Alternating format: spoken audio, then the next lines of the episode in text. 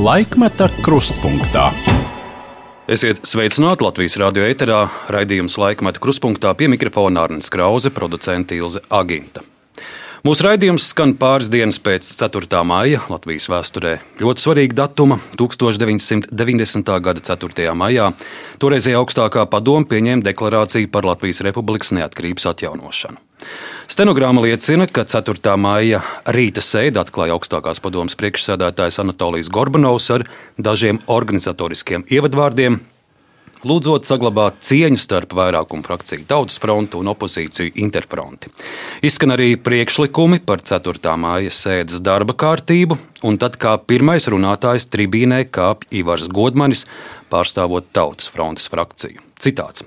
Augsti godātais priekšsēdētāji, augsti godātie deputāti, es esmu pilnvarots 131 Latvijas PSR deputātu vārdā iesniegt priekšlikumu iekļaut šīs dienas sēdes darba kārtībā kā pirmo jautājumu deklarāciju par Latvijas Republikas neatkarības atjaunošanu. Citādi beigas.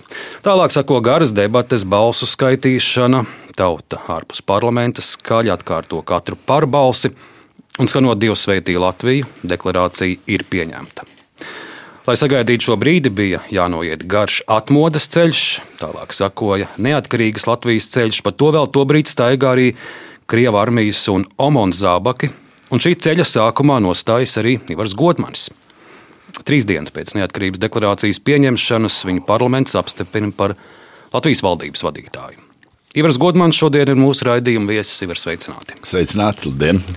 Ko šodien dara Ivars Godmans? Es tā ar ironiju teikšu, ka droši vien daži ļaudis uzreiz padomās, nu droši vien šī varēja par tām savām daudzajām cukurfabrikām un villām, kuras jums te gadu garumā pieraksta. Man sieva dažreiz saka, nu kaut tev būtu kaut viena fabrika, tad nebūtu jādara tas un tas un tas. Nē, ko Godmans dara? Nu jau, kā es aizgāju no parlamenta, Eiropas parlamenta 14. gadā, tagad visus šos gadus, nu jau būs 9. gads, ka es mācu studentus, pamatā maģistrus un trijās augstskolās. Mm. Slodze ļoti liela. Pamatā augstskola, kurā es esmu arī par profesoru. Godu profesora evolūcija ir Rīgas starptautiskā biznesa augstskola. Bet es lasu kā, kā arī nopietni, nopietnas, nopietnas lekcijas ekonomikas fakultātē, universitātē, maģistriem. Datorikas fakultātē tas ir pats smagākais, pēdējais mans posms. Datorikas fakultātē bakalauriem pēdējā kursa turībā maģistriem. Tā kā ja tā paskatās manu, manu grafiku, nu, viņš ir neatbilstošs, cik es saprotu, manam vecumam. Ar tādu sajūtu es cenšos, protams, uh, Kursi ļoti dažādi. Es lasu, pa šo laiku esmu sagatavojis nu, kaut kur ap 20 dažādus kursus. Liela daļa rakstīs no nulles, jo Latvijā vienkārši tāds izglītības. Tad es saprotu, nav nekādas lieganas, lēnas senioru vecumdienas Sivaram Godmanim. Nu, jā, nu nav. Nu, šī ziņā visu laiku es tā pārdomāju, bet varbūt vajadzētu teiksim, ļoti stipri samazināt.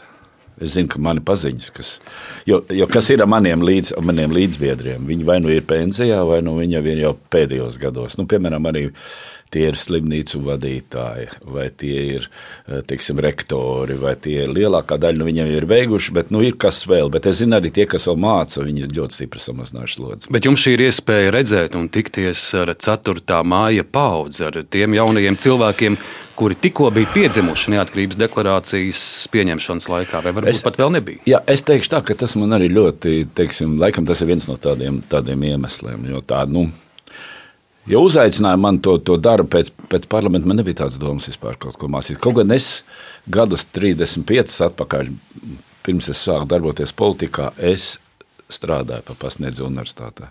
Informātikas katedrā mēs nodibinājām katedru toreiz, mācījām informātiku un programmēšanu ļoti daudzās fakultātēs, atskaitot fizmats. Un, un, un, un no turienes es aizgāju no universitātes, praktiski no Cietuvijas institūta, es aizgāju politikā. Tāpēc es tā kā atgriezos pēc 35 gadiem, Un tas, tas kontakts ar jauniešiem, jā, pie kā redziet, ja jaunieši ir nosacīti, maģistrēs, es, es saku domāt, es ļoti labi skaidri redzu, kā, kāds iespējas ir bijis no, arī no, no tiem laikiem, kad mazāk dzimta cilvēki, piemēram. Ja paskatās tagad maģistri, viņi dzimuši kaut kur apmēram 90, nu, otrais, 93, tie tie, tie gadi, ja, kas ir, nu, kas nav vienkārši. Ja. Un par šiem gadiem mēs arī runāsim, jo, Jā. jo tad jūs esat Latvijas valdības, atjaunotās Latvijas valdības vadītājs. Bet pie 4. māja šī diena ir um, daudz dokumentēta un aprakstīta kinoliecībās, video, audio fiksējumos, arī atmiņu stāstos. Mm, Bet Ivar, man interesē, kā jums sākās 4. maija un kā viņš noslēdzās? Nezinu, varbūt ir kādas atmiņas jūsu ceļš uz Jēkabīlas namu vai, vai atpakaļ. Jo tas, kas bija pa vidu, visas šīs diskusijas un šī deputāta iznākšana ar uzvaru zīmu un ļaužu sagaidīšanu, par to ir daudz stāstīts un tas ir daudz redzēts. Protams, jā. Bet vai ir kas, ko jūs vēl neesat stājis, bet kas jums ir tāds no šīs dienas ļoti ar vienu spilgti prātā palicis? Jā, nu, laikam pats būtiskākais bija frakcija. Jo redziet, bez tautas fronts frakcijas, ja tā frakcija mums nebūtu bijusi vienota, mums šis balsojums nebūtu noticis. Un tad ir grūti saprast, kas tālāk būtu bijis. Un, un um, nu, tautas fronts arī vadība, valde, es biju, es biju nu, priekšsētāja vietnieks. To frakcijas vadību man uzticēja. un Es no turienes aizgāju prom tajā brīdī, kad man ievēlēja par ministru padomus priekšsēdētāju, un tad atnāca Dienēvičs vietā. Bet, Bet tieši no 4. māja dienas. kas Jā, no jums 4. tāds maija dienas, protams, skaidrs bija tas, ka mēs uz šo soli iesim.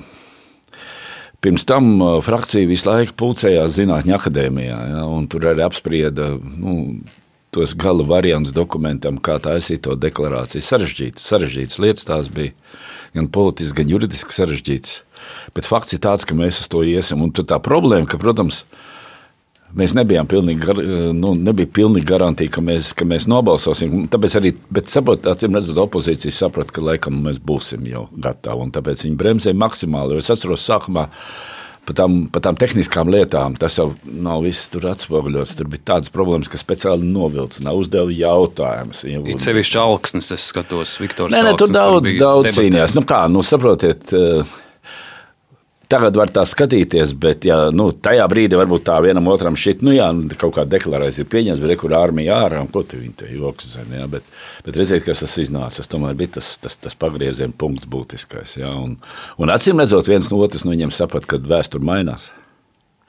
Ja parasti vēsture mainās kara rezultātā, te viņi izmainījās ne kara rezultātā. Tolaik jūs daudz smēķējāt 4. maijā, cik cigarešu paciņas izpīpējāt. Nu, jā. Nekas labs tas nav, godīgi teikšu. Es tagad nesmēķēju, man šķiet, gadus jau. Man grūti pateikt, cik. Nemaz. Kāds 15, varbūt, vai vairāk. Nu, jebkurā gadījumā tas, tā, tā, tā, tā metode nebija laba. Es domāju, arī maldības sēdē smēķēju. Es zinu, ka ministri, kas nesmēķē, viņi nevar izturēt. Nav labi tas viss. Jūs arī preses konferencēs smēķējāt. Būs, būs viena Redziet, tas tomēr zināmā mērā saistīts bija, ka tie laiki, kuros man ir bijis, es nezinu. Grūti jau pateikt. Man vienmēr ir tā, ka tu tā pārāk nerunā par to, ka tu tur esi bijis. Jo arī tur neesi vienīgais. Citi varēja tā vietā arī būt. Jā, tā ir taisnība. Nu, jā, bet es tur biju, un tāpēc man iznāca vienmēr tajos trakos laikos būt. Varbūt tas bija tāds kaut kāds zināms. Es zinu, ka daudz cilvēku mēģinot sev nomierināti, bet man tas, protams, arī neizdevās. Tas vienkārši kā tā cenšanās. Cenšanās kaut kā visu laiku tos laikus pār, pār, pārlaist. Jo tajā laikā es atceros, 4. maija, un viss tā vispār nebija runa par to, vai dienu vai rītu. Nevarēja īsti saprast, vai pavasaris vai ziemā. Tā pavisam nopietni. Tā, tā situācija bija tāda, ka tas laiks mērījās savādāk. Jā. Nebija vienkārši dzīvošana toreiz, bet nu, kad ir vienkārši. Tie laiki patiesi ir bijuši traki. Un, un uh, diezgan izaicinoši ir Ivar, arī uh, jūsu pieredzēto man ietilpināt vienā stundā. Līdz ar to šis nebūs stāsts, kur, kur tiks dokumentāli fiksēts viss, viss jūsu uh, politiķa epizodes. Tie būs vien daži tādi zipšņi. Es tiešām nepretendēju stundas garumā ietilpināt jūsu politisko dzīvi, bet ja reiz jūs nu, pateicāt, ka vēsture mainās un karš bieži vien maina vēsturi. Uh, Pirmā epizode, kur es piedāvāju noskatīties, būs no 2008. gada augusta. Tas būs uh, panorāmas arhīvs. Jūs to liekat, esat valdības vadītājs un uh, dodaties uz Grūziju, kur ir iebrucis Krievijas karaspēks. Kopā ar jums ir arī Igaunijas, Lietuvas, Polijas un Ukrainas prezidenti. Un arī jūs esat Tbilisī centrā, ir daudzi karogi, daudzi cilvēki. Un uh, palūkosimies, ko jūs to dienu teicāt Gruzīņiem. Eiropa ir kopā ar Gruzīnu tautu un valsts teritoriālā vienotība ir nedalāma. Šī doma izskanēja visu līderu uzrunās. Runāja Ivars Godmanis. Pietiekami skaidri. Tam nav nozīmes, cik liels karaspēks tiek lietots pret cilvēkiem. Dienas beigās iedzīvotāji būs uzvarētāji jebkurā brīdī un jebkurā vietā.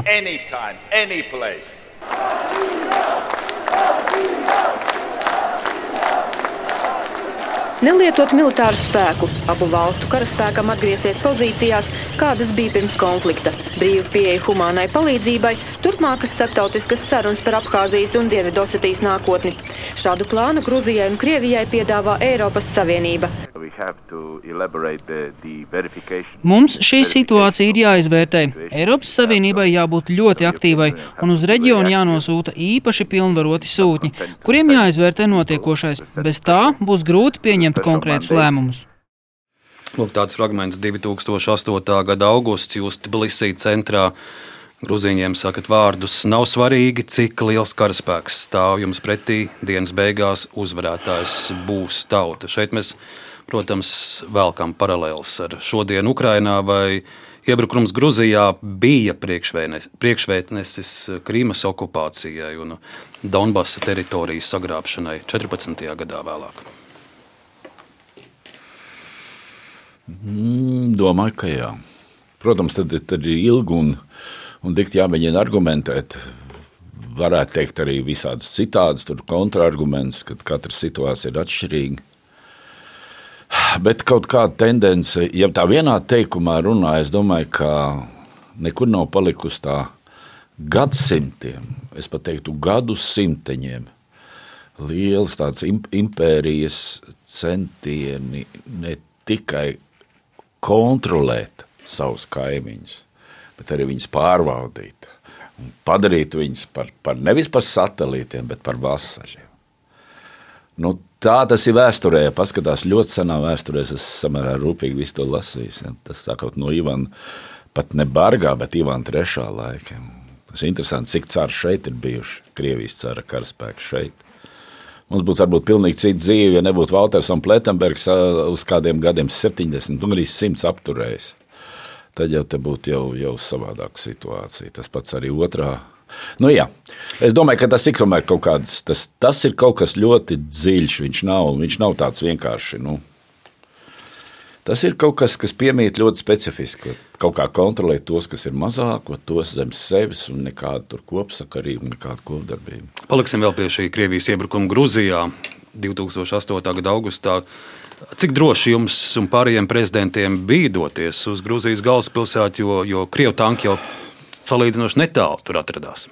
Nu, jā, nu, īsumā tur bija tā, ka mēs jau uh, faktiski tur pavisam tā īsumā, pavisam vienkārši. Neviens tur nekur negribēja sākumā braukt. Pēc tam man piezīmēja premjeras Igaunijas. Premjeras. Un viņš teica, tā, ka vispār nu, vajadzēja tā kā braukt. Lidot. Es tā domāju, es saku, bet nu, Air Baltica bija pēdējais, kas lidoja. Ja? un viņš pārtrauc lidot, jo nav droši. Viņš saka, nē, es esmu sarunājis Igaunijas vienu privāto lidmašīnu, kas lidos. Nu, jā, nu, tas ar visiem riskiem. Es saprotu, ka nu, viņš tā domā pārbaudīt, vai es baidīšos. Saka, nē, es saku, es braukšu, brauksim, labi. Brauksim ap divu, nu, ko viņš viens lidos, ja viņi tur notrieks. Un tad mēs ar mūsu armijas lidmašīnu, kāda mums bija, atbraucām uz turieni. Uz Igauniju. Ja, un bija gatavs. Es jau teicu, sievai, tur nu, Grūti pateikt, kā būs, jo principā jau viņi negarantē drošību Krievijai vairāk virs Grūzijas debesīm nekādu. Un te es izkāpu ārā Tallinā, man sagaidīja viņš, ja? viņš saka, zin ko, te situācija baigi izmainījusies, man te jāpaliek pa atbildīgo. Es saku, pagaid, kā, nu, taču domās lidot uz turieni, kur tad ir? Nē, nē, tā situācija man te jāpaliek pa atbildīgo. Prezidents lidos un, un pa priekšu uz Varšavu. Tur satiksimies ar Polijas prezidentu un, tu, un, un, un, un Ukrainas prezidentu. Pēc tam Ukrainas prezidentu paņemsim vēl tur un, un, un, un, un, un Lietuvas un, un, un kopā ar Ilves. Un tad mēs aizlidojām uz turieni un ar Polijas lidmašīnu aizlidojām. Bet kas bija nians? Tā kā mēs Krimā nolaidāmies toreiz, un, un, un Jušenko arī atnāca pie mums ja, toreiz. Un tad notika viens tas moments, tāpēc, ka tas ārlietu ministrs Ukraiņš pateica, ka negarantē drošību Polijas prezidents nelaiķis, baigts cietais vīrs. Man viņi iznāca lidmašīnā pārunāt daudz ko par solidaritāti, par tautas frontu, un pats, kas Valēns arī labi pazina. Kačīnskas. Jā, Valēns pazina, viņi nebija labās attiecībās. Pārunājām tās, kā tur ir Polijā attīstīsies tā situācija. Viņš bija baigts ciets, viņš saka, mēs lidosim vienalga. Nu, es tā paskatījos, tie vīri drusku vecāki mani. Viss bija, viss, viss bija mieras. Man prieks, ka es tādā drošīgā, man gods tādā drosmīgā kompānijā atrasties. Bet problēma bija tajā apstākļā, ka mēs gribējām lidot pa tiešo uz Bilisi. Bet lidotājs viņš atteicās lidot, ja viņam nav polijas aizsardzības ministra rakstiska pavēle to darīt. Un tad sākās, mēs kāds trīs stundas gaidījām, ka Čīnskis mēģināja dabūt to pavēli, bet tur bija valdība no vienas koalīcijas, prezidents no otras. To pavēlu nedabūja. Tad mēs nolaidāmies uz pašu robežu Azerbaidžānā, pie Grūzijas robežas. Iesādāmies mašīnās un milzīgā ātrumā devāmies uz Bilisiju. Nu, tas ātrums, apmēram, cik es saprotu, liels bija tāpēc, ka, nu, ne, lai nevarētu trāpīt pa tām mašīnām. Bet, nu, es nezinu, mēs aiz, aizbraucām, aizbraucām centrā, no mašīnām izkāpām un momentāli nonācām lūk, tur, kur mēs bijām. Tur mēs arī to, ko runāja, saka, Švilieris nesapratām, viņš runāja gruzīniski. Un tad viņš uzreiz pazuda. Viņš aizgāja augšā runāt ar Kozīņu, un, un, un, un mēs palikām. Nu, tad mēs sākām izteikties viens pēc otra. Otrā dienā vēl, nu, otrā dienā vēl bija tāds moments, ka tur, tur, tur vispār bija tādi drosmīgi cilvēki. Tur, tur, tur lietuvieši saka, brauksim pretīm no rīta tiem krievu tankiem, kas tur brauksim vienkārši pretīm mašīnās krievu tankiem. Es saku, nu, nu brauksim. Brauksim. Nevienu brīdi, nevien brīdi nedrīkst. Šādos brīžos nevar pateikt, tā, nu, ja kāds ierosina uz drosmīgu rīcību, tu nevari teikt, nē, nē, es tur palikšu te kaut kur krūmos, un jūs tur tā risināt. Tā kā tās situācijas dažādas bija, protams. Ja? Nu, un Gruzīniem pēc tam arī ļoti grūti gāja. Ne jau tikai tas vien, pēc tam visi tie notikumi. Es esmu bijis arī vēlāk Grūzijā un, un, un runājis ar, ar, ar man tā iznāca runāt ar ar Sakašvili, tiem kritiķiem. Nu, pašu to, to Ibašvili, to es nerunāju, to Bidzu, to Ivanašvili, bet ar tiem premjeriem, tiem atkal viens uzskats uz to Gruziju, nekā, nekā Sakašvili tur iekšēji. Viņi nav atrisinājuši savas, savas problēmas, diemžēl. Un vēl Krievija, protams. Tolaik 2008. gadā Krievijas tanki Grūzijā pagriezās atpakaļ. Protams, Abhāzija un Osetijas nu, okupētās teritorijas ar vienu sagrābtas, bet uh, Ukraina šodien, karš Ukrainā jūsu skatījums, vērtējums uz to, kas notiek?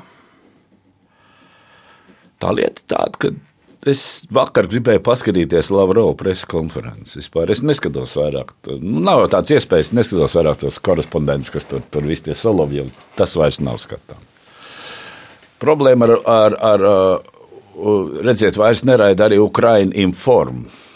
Agrāk viņi bija, ko varēja dabūt autentisku Ukraiņas informāciju. Viņi vairs nav. Tagad ir telegrams tikai informators Ukraiņas, kas Ukraiņas pozīcija, nu, kaut kādā mērā.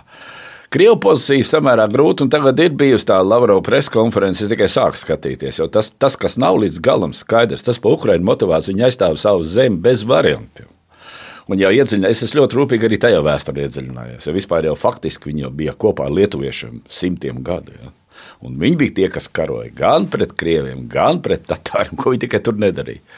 Tā kā tas, tās attiecības ir ļoti, ļoti dažādas kara, kara attiecības viņiem. Tāpēc viņa motivācija ir skaidra. Kas man nav skaidrs, man nav skaidra krievu motivācija. Racionāla krievu motivācija. Es vienam prasīju, te nesen. Cik es saprotu, ne visi cilvēki ir tā, tā kā mēs ar jums orientēti. Tā gluži nav. Viņi sēž alternatīvā internetā un kaut ko tur mēģina sagrābstīt. Viņi man saka apmēram tā, ka nu, es saku, nu, tu vari kaut kādu motivēt, motivācija ir racionāla. Nu, kā motivācija ir ir, ir denacifikācija un demilitarizācija. Es nu, definē denacifikāciju, definē viņu. Un tad sākās tāda, nu, jā, denas, nu, tas sākās tāda, jā, tāda runāšana. Bet tā nopietni runāt, Krievija motivācija līdz galam skaidra nav. Un tā motivācija nav skaidra vairāk iemeslu dēļ. Tad ko tad viņi vēlās? Viņi vēlās ko? Odesu, Kievu. Viņi kaut kādā brīdī stādās priekšā, ka tas kaut kad notiks. Un pat ja tas ir kaut kāda militāra, tur es nezinu, briesmīgi brīnuma variantā, uz kaut kādu laiku noteikti tas nekad mūžīgi tā nebūs. To, ko es teicu Grūzijā par to dienas beigās, tā diena var būt gara. Tā nav viena diena. Bet, ja tauta nevēlas, viena nav būs jāvēsās prom karaspēkā. Tā ir tā problēma. Tāpēc tā krievu motivācija ir ļoti smaga. Tāpēc pateikt, saprast viņu grūti, Bet vai jūs esat mēģinājis izprast Putina motivāciju nu, tas jau ir tas, par ko es domāju. Vairākas jau tās teorijas, te ir simtiem sarakstīts, atjaunot PSRS. Tad ir tāds variants, ko tikai neesmu dzirdējis, ka viņš tur ir apmānīts, ka viņam ir iestāstīts, ka viņi tur sagaidīs ar puķiem un, un tūlīt viss būs kopā. Un, un, un, un, un, un tas tikai tur nebūs. Bet rezultāts ir smags karš. Tāds nav bijis kopš otrā pasaules kara. Tāds nav bijis vispār. Un tas ir smags karš, un, un, un, un, un tas, kas ir, zināmā mērā, mums jāsaprot tā dīvaini. Saprast to nevar vispār racionāli. Ukrāņi, kas aizstāvās, ir pilnīgi skaidrs, bet kāda motivācija tam krievu karavīram tur iet karot un iet bojā, nu, tas nav īsti skaidrs. Un neviens tā nopietni to izstāstīt nevar. Un tas ir kaut kas tāds, kas ir laikam saistīts ar to, ko jūs uzdevāt jautājumu. Tur ir kaut kas tāds ļoti dziļš gadsimteņiem, ka nu, jā, nu, tas ir mūsu. Jā. Tas nav jūs, tas ir, ja tas ir, tas ir zem mums, tā varētu teikt. Kaut gan es arī neņemos to pateikt simtprocentīgi. Putina iebrukums Ukrajinā, kā tas ietekmē, ietekmēs mūsu drošības situāciju? Viņš ietekmē vis, vislielākā mērā. Vislielākā mērā. Un viņš ietekmē gan tieši, gan netieši. Jo pie dažādām kara tālākās attīstības scenārijiem ir iespējami ļoti dažādi arī militāri, un militāri ekonomiski, un, un kādi katastrofi, kādi tikai ne varianti. Tāpēc es pat gribētu tādu pateikt frāzi, ka, nu, nu, tad, kad mēs apspriežam mūsu iekšējās politiskās lietas, iekšā, tad tomēr jāsaprot, ka mēs neesam tādā pilnīgi mierīgā stāvoklī. Mēs esam pie kara. Mēs neesam tīri fiziski karā iekšā, bet tikai fiziski mēs viņā neesam. Bet nu, mēs esam kara situācijā, un, un, un, un nevajadzētu to aizmirst. Jā, mēs visi gribētu, tas ir normāli dzīvot labāk un, un labklājība augstāk, bet situācija, tāpēc arī teiksim, tie nu, līdzekļi. Tīri fiziski līdz frontes līnijai ir viens, viens diennakts brauciens ar mašīnu. Tuvu. Tuvu Jā, un jau paņemt tas, ka Baltkrievija ir satelīts un vai nu sazina, ko tas tur. Tad ir pavisam tuvu. Tad mēs esam blakām. Tāpēc šeit mums tā, nu, vienmēr vajadzētu tādu zinām iekšēju koncentrāciju sevī paturēt. Un pirmais, ko nevajag darīt, nu nevajag tā psihot. Tas es nezinu, no kurienes. Es tās sevis, es pat pats atzīstos. Nu, nu atcerēsimies, kā bija pagājušā rudenī. Nu, cik ilgi bija tas šausmīgi histeriskais moments, kad mēs nosalsim.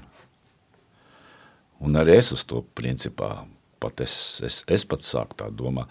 Nu, man atcerieties, pārmet visas tās krāsniņas, un kas tur tikai nebija. Slavenās godmaņa krāsniņas. Jā, bet tā problēma jau tā bija reakcija uz to, ka mēs tūlīt salsim. Mums bija viss noslēgts, un, un es teicu, nu, tad vismaz katrs arī mēģināsim pats drusku parūpēties par savu siltumu. Bet, eh, bet, eh, bet es domāju, ka no tā vajadzētu, vajadzētu iekšā vairāk sakoncentrēties un, un neuzkurbulēt tādu psihozi nedaudz. Viņi drusciņi, viņi, viņi, tā grūti pateikt, kur viņi sākās. Tā viņi sākās no, no politiķiem, kas to varbūt dažreiz grib izmantot, teiksim, no opozīcijas vai kādiem. Tad, ir, tad tas pāriet masmēdījos, kas ir normāli, no masmēdija uztur temperatūru visu laiku, bet tad tas aiziet sabiedrībā. Un, tiešām, un tagad, ja mēs skatāmies, nu, kā mēs pārlaidām šo ziemu. Ko? Nu, kaut viens piemērs, cik mēs sportā zāles vai basēns aiztaisījām ciet. Atbildi neviena. Nerunāt nemaz par tiksim, skolām un, un slimnīcām. Tas nozīmē, ka tomēr koncentrēti pieejot. Un, un, un, un, un, protams, tas nav tik vienkārši, jo nākamā apkurss sezona ja, ir, ir vispār bez Krievijas gāzes. Nemaz. Šādā apkurss sezonā Krievijas gāzes nebija. Ot, nebija. Tāpēc, nu, Tad racionāli nu, jāskatās, kā, kā pareizi viņi izmantot to, to gāzi, kas no Krievijas iepirkt, bet nu, neuzsākt šo te. Un nu pat jau arī bija ziņa, ka virkne valsti ir noslēguši līgumus ar Azerbaidžānu par nākamo sezonu. Un, un tās piegādes ir drošas, bet vēl paliekot pie kara Ukrainā, ko šis karš jums ir parādījis. Par Putinu ir daudz runāts, bet par, par Krievijas sabiedrību un par Krievu cilvēkiem Latvijā. Par Krievijas sabiedrību nu, ko es varu teikt? Pirmkārt, es esmu dzirdējis vairākas izteicienas, samērā atklātas. Krievu cilvēki arī šeit. Nu, viena lieta ir notikusi. Redziet, parasti kara laikā, cik tas divi. Tas, ka iekšēji Krievijā kara laikā, tas pats bija arī Vācijā. kara laikā, lai kāda nebūtu tā vadība, bet notiek zinām konsolidācija ap vadību. Jo, nu kā, karojam ārpusē.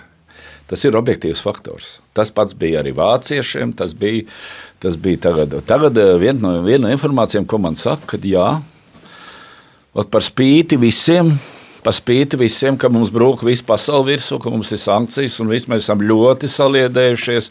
Mēs izturēsim, mēs, esam, mēs to visu izdarīsim, mēs savus mēģinājumus panāksim. Ar to gribu pateikt, ja, to gribu pateikt kad, kad visas tās sankcijas un viss tas, ko tur pret viņiem vērš, tas uz viņiem iespēju atstās viņiem nu, ļoti, tā teikt, nu, vismaz izsakās nepārāk liela. Tas ir viens variants. Otrs variants ir cilvēki, kas, protams, uzskata, ka tas viss ir pilnīgs ārprāts. Ja, tāpēc, ka, nu, nu, ko nozīmē atsaistīties no, no, no Krievijai uz ne, neparedzētu laiku, tas tā kā Ziemeļkorejas statusā nonākt. Tas ir, tas ir pilnīgi cits mērogs, un tas ir pilnīgi kaut kas cits. Šī diskusija, jūs jau zināt, vienmēr ir bijusi. Jau. Sākot no Puškina vēstules Čādājevam, un, un var paskatīties Slavafilu grāmatas, un, un tā tālāk, kad ir kaut kāds īpašais ceļš, trešā Roma, bet ziniet, ko pie mūsu laikmeta Viņi saprot, ka tas ir. Un, un, un, un, un varbūt vienai daļai, kas to saprot, tā reakcija tāda, nu, tāda kāda ir Medveģevam, piemēram. Kaut viņš ļoti labi, tajā laikā viņš bija prezidents, viņš ļoti stipri uz rietumiem gribēja darboties. Tagad viņš pat teica, daži pat teica, ka viņš tāds tīri saprātīgs izskatās. Jā, bet tagad viņš ir pārmeties, jo viņš, viņš apzinās to, kāda acīm redzot, tās situācijas tālāk attīstība, ka tas ir tāds, nu, tāds jo, saprotiet, arī pie jebkādas, pie jebkāda iznākuma Tur tā nenotiks, kā viens otrs domā, ka trešā dienā pēc kara viss atkal viens otru tur apsveicinās. Baidos, ka tas vairs nebūs. Un tas atstās ļoti ilgu iespēju. Tas ir tā otrā reakcija. Un trešā reakcija man šeit ir, šeit par Latviju runājot. Un šeit ļoti jāuzmanās tomēr. Mums latviešiem arī jāuzmanās. Es te, te jāuzmanās tādā nozīmē, ka Nu, nu, ir, ir latvieši un ir krievi. Ja? Un pie kam ir ļoti daudz jauktās ģimenes. Mums jau tā, tā palaidām garām. Ir ļoti daudz jauktas ģimenes. Var redzēt, ka latviešu vārds, krievisks uzvārds un otrādi. Ja? Un tomēr nu, neaizmirsīsim, ka arī tā ģenēze lielākajai daļai, kas iebrauc šeit iekšā, viņa nav 300 gadīgi. Kaut gan tāda krieva arī šeit bija bet uh, lielākā daļa tā ir kaut kur ap kādiem nu, 50. gadu sākums, 50. tad, kad sākās viss tā, kars, nu, respektīvi, darbspēka ieviešana. Tas nozīmē, ka viņiem tā vai šitādi ir palikušas radnieciskas saites un daudz kas, kas ir Krievijā. Tas nozīmē, ka to, to viņi atšķiras no mums, no latviešiem, kam nu, ļoti minimāli tur ir rādīja. Tas nozīmē, ka viņiem ir tādas saites, pat ar brāļu māsu un kas var būt. Ja. Un tāpēc mums ir drusku jāsaprot, ka viņi tā pilnīgi identiski tā kā mēs neizturēsimies pret Krieviju. Pret Putinu tas cits jautājums, bet pret Krieviju. Un te mums ļoti svarīgi pateikt, ka, nu, vai, vai kaut kādā veidā, kad mēs runājam, teiksim, savā starpā, kaut kādā veidā nevis, nevis uzsvērt to, ka mēs esam pilnīgi atšķirīgi no jums, bet mēs tam dzīvojam šeit, un šeit viņi vairākās paudzēs, ka mēs tomēr esam šeit, Latvijai, piederīgi. Un nevis tādā veidā, ka nu, jūs esat krievi, redziet, ko tie krievi tur dara. Jūs esat tādi pat kā viņi. Pirmkārt, mums tāda īsta pierādījuma nav tam, ja? nu, tad ir kaut kādā veidā jāizmēra. Ja? Jūs jau redzat, tas atbalsts, ja pēc tām aptaujām spriež, ir kaut kāda 10%, 12% no tiem, kurus aptaujā. Nu, pieņemsim, ka tur viena daļa neko nesaka. Bet es domāju, jo vairāk mēs sabiedrībā uzsversim to ka redz, mēs esam latvieši un jūs krievi, ja, un tāpēc mums nekas kopējs nevar būt. Tas mums pa labi noteikti nenāks. Un te nerunāsim par kaut kādu saliedēšanu, kas ir ir vārds savā pretstatā. Gudmaņkungs pēc pāris dienām ir 9. maija. Nu, ierasti viss tas, kas notika pie pieminiekļa pārdaugavā, piemineklis šogad vairs nav. Kādu jūs paredzat uh, šo 9. maiju šogad? Es personīgi domāju, ka tiem cilvēkiem, kas, kas 9. māju, kuru, kuru, kuru, kuri saistīja to, ka viņu radinieki, teiksim, nu, senči vai kas ir gājuši bojā karā, viņi doties uz kapiem. Kapi mums ir, neviens kaps nav aizticis un neaiztiks. Var nolikt ziedus kapos un atcerēties, tas, tas nekad nevienam nekur nav atļauts. Labi, mēs to darīsim 8. maijā. Ja kāds gribēs to 9. maijā, nu, uz kapiem iet, es domāju, aizliegt, mēs ne, neviens neaizliegs. Tas, kas attiecās uz kādiem pieminekļiem, ziniet ko, Ja paskatās vēsturē, kāda mums tikai nav bijuši pieminiekļi Latvijā, kā tikai nav saukušās ielas. Tagad ļoti interesants, es iesaku visiem arī tā grupa, kas ir Rīga iepriekšējos gados, gados un gadsimtiņos. Var ieraudzīt, kāda tā Rīga izskatījās. Jā. un kāda viņi tagad ir. Nu, ir starpība, protams. Nu, ko darīt? Tāpēc es domāju, jā, uz kapiem cilvēki iet, viņi atcerās to. To, to, to nu nekādīgi nevar izsvitrot. Ārā. Tas tāpat tā kā otrā pusē. Mēs vienmēr atcerēsimies, ka mums tur arī daudz cilvēku. Tomēr tā proporcija jau bija tāda, nu, pār pa simts tūkstošiem. Vācu, vācu pusē, nu, respektīvi, mūsu leģionāri, arī tēvs mans. 19. divīzija. Un, un, un nu, cik tajās latviešu strēlnieku korpusos, kas tur bija, beigās, nu, tur būtu maksimums varbūt kā 30 tūkstoši. Arī ļoti daudz aizgāja bojā. Es esmu runājis arī ar to otru pusi cilvēku. Nu jā, nu, tos arī jāatcerās. Viss jāatcerās, kas krituši karā, tie cilvēki ir krituši tur neko darīt. Godmankungs pāris jautājumu arī par Latvijas iekšpolitiku šī brīža aktualitātēm. Tuvojas valsts prezidenta vēlēšanas, saimnes deputātiem jau drīz būs jāizvēl nākamais eh, Latvijas prezidents. Eh, jūsu skats uz šo procesu šobrīd ir divi kandidāti - Uldis Pīlēns un līdzinies prezidents Egils Levits. Viņu vārdi ir izskanējuši. Prezidentam Levitam vajadzētu turpināt šo darbu? Es jau vienā reizē to teicu. Es gribētu, es varu savu balsi, savu balsi sadotu tam pretendentam, ja ir divi Nevis, nevis tā kā es lasu, ka nu, vēl varbūt kāds trešais parādīsies, ceturtais, piektais. Jo, Nu, piedodiet, nu, nu, pat tad jau visa tauta nevēl prezidentu. Nu, nu, tautai tomēr jāzina, ar ko prezidents nāks. Un tas, kas izšķir manu balsi, kā abi pretendenti, un šeit nu, ir jāpanāk. Ja nu kāds atsakās, tas ir liels mīnus. Ir jāpanāk, ka pie jums rādio televīzijā vai nu teiksim, viens, abi divi ir vienlaicīgi iztaujā, bet pat viens otram uzdod jautājumus. Nu, piedošana, ja es redzēju, kā Sarkozy un Lāns to darīja viens pret vienu, kā to darīja Trumps un Hillary Clinton. Jums Kāpēc? būs svarīgs prezidenta debatas, kas jums palīdzēs. Jā, un tur ir divas nianses. Tā pirmā nianses ir viena, ja, kad esošam prezidentam viņam ir tā priekšrocība, ka viņš var stāstīt, ko viņš ir darījis. Viņam ir jāparāda, ko viņš ir darījis, kas ir viņa pienesums šajos četros gados. Jā, ir nepatīkams jautājums. Ar uzdot viņam jautājumu, kāpēc pie jūsu izdarītā reitings ir tik ļoti zems salīdzinot ar citiem. Nu, tad varbūt eventuāli atbild, ka jā, krīzēs viss tas ir noticis, jo krīze bija četras vismaz. Jā, un otrs, ko tad darīs uz priekšu, ar ko tas atšķirsies? Savukārt tam otram pretendentam, Pīlēnkungam, nu, viņas gribētu dzirdēt vienu soli tālāk. Tas izšķirs ļoti, jo redziet, kamēr jūs sakat, ka varam labāk, varam savādāk, tā ir pirmā stadija tikai. Es saprotu, ka nevajag detalizēt stāstīt, kā labāk drošībā, kā labāk reģionāla ekonomikā, kā labāk tur izglītībā, kā labāk. Jā, bet tomēr kā to izdarīt, to arī jāiezīmē. Un, ja to neizdara, un tas viss paliks līdz pēdējiem brīdim, kad sanāks vienkārši parlamentārieši, tad vienalga pat ko ievēlēs. Bet es domāju, ka sabiedrībā būs tāds sajūta, ka nu, gal galā mums neviens nepaprasīja mūsu viedokli. Mums, mums pat neiepazīstināja ar šiem viedokļiem. Ivar, savulaik jau jūsu vārds arī skanēja saistībā ar kandidēšanu uz valsts prezidenta. Nu, jā, bet eh, ziniet, ko man vienmēr bija tas raksturs, ir tāds savādāks. Es drīzāk es cīnījos par visādiem izpildu, izpildu darbiem. Es neatbilstu tam. Tur jābūt tomēr tam. Es, es vienkārši domāju, ka tam, tam, tas ir ļoti grūti Latvijas prezidentam būt. Tāpēc, ka redziet, nav pārāk liels pilnvars. Kaut gan no otras puses, jā, var sasaukt ārkārtas valdības sēdes, var noteikt dienas kārtību. Un, Un, protams, bet jau no pirmā brīža tev jāiekaro savu pozīciju. Tur. Īsi es gribētu dzirdēt arī jūsu vērtējumu par valdības darbu. Premjerministrs Kariņš pirmajā valdības termiņā varbūt viņš bija vairāk tāds samierniecis. Tagad mēs redzam mm, diezgan savādāk Kariņu valdības sēdēs, tāds skarbāks un dažbrīd tiek pacelta balss.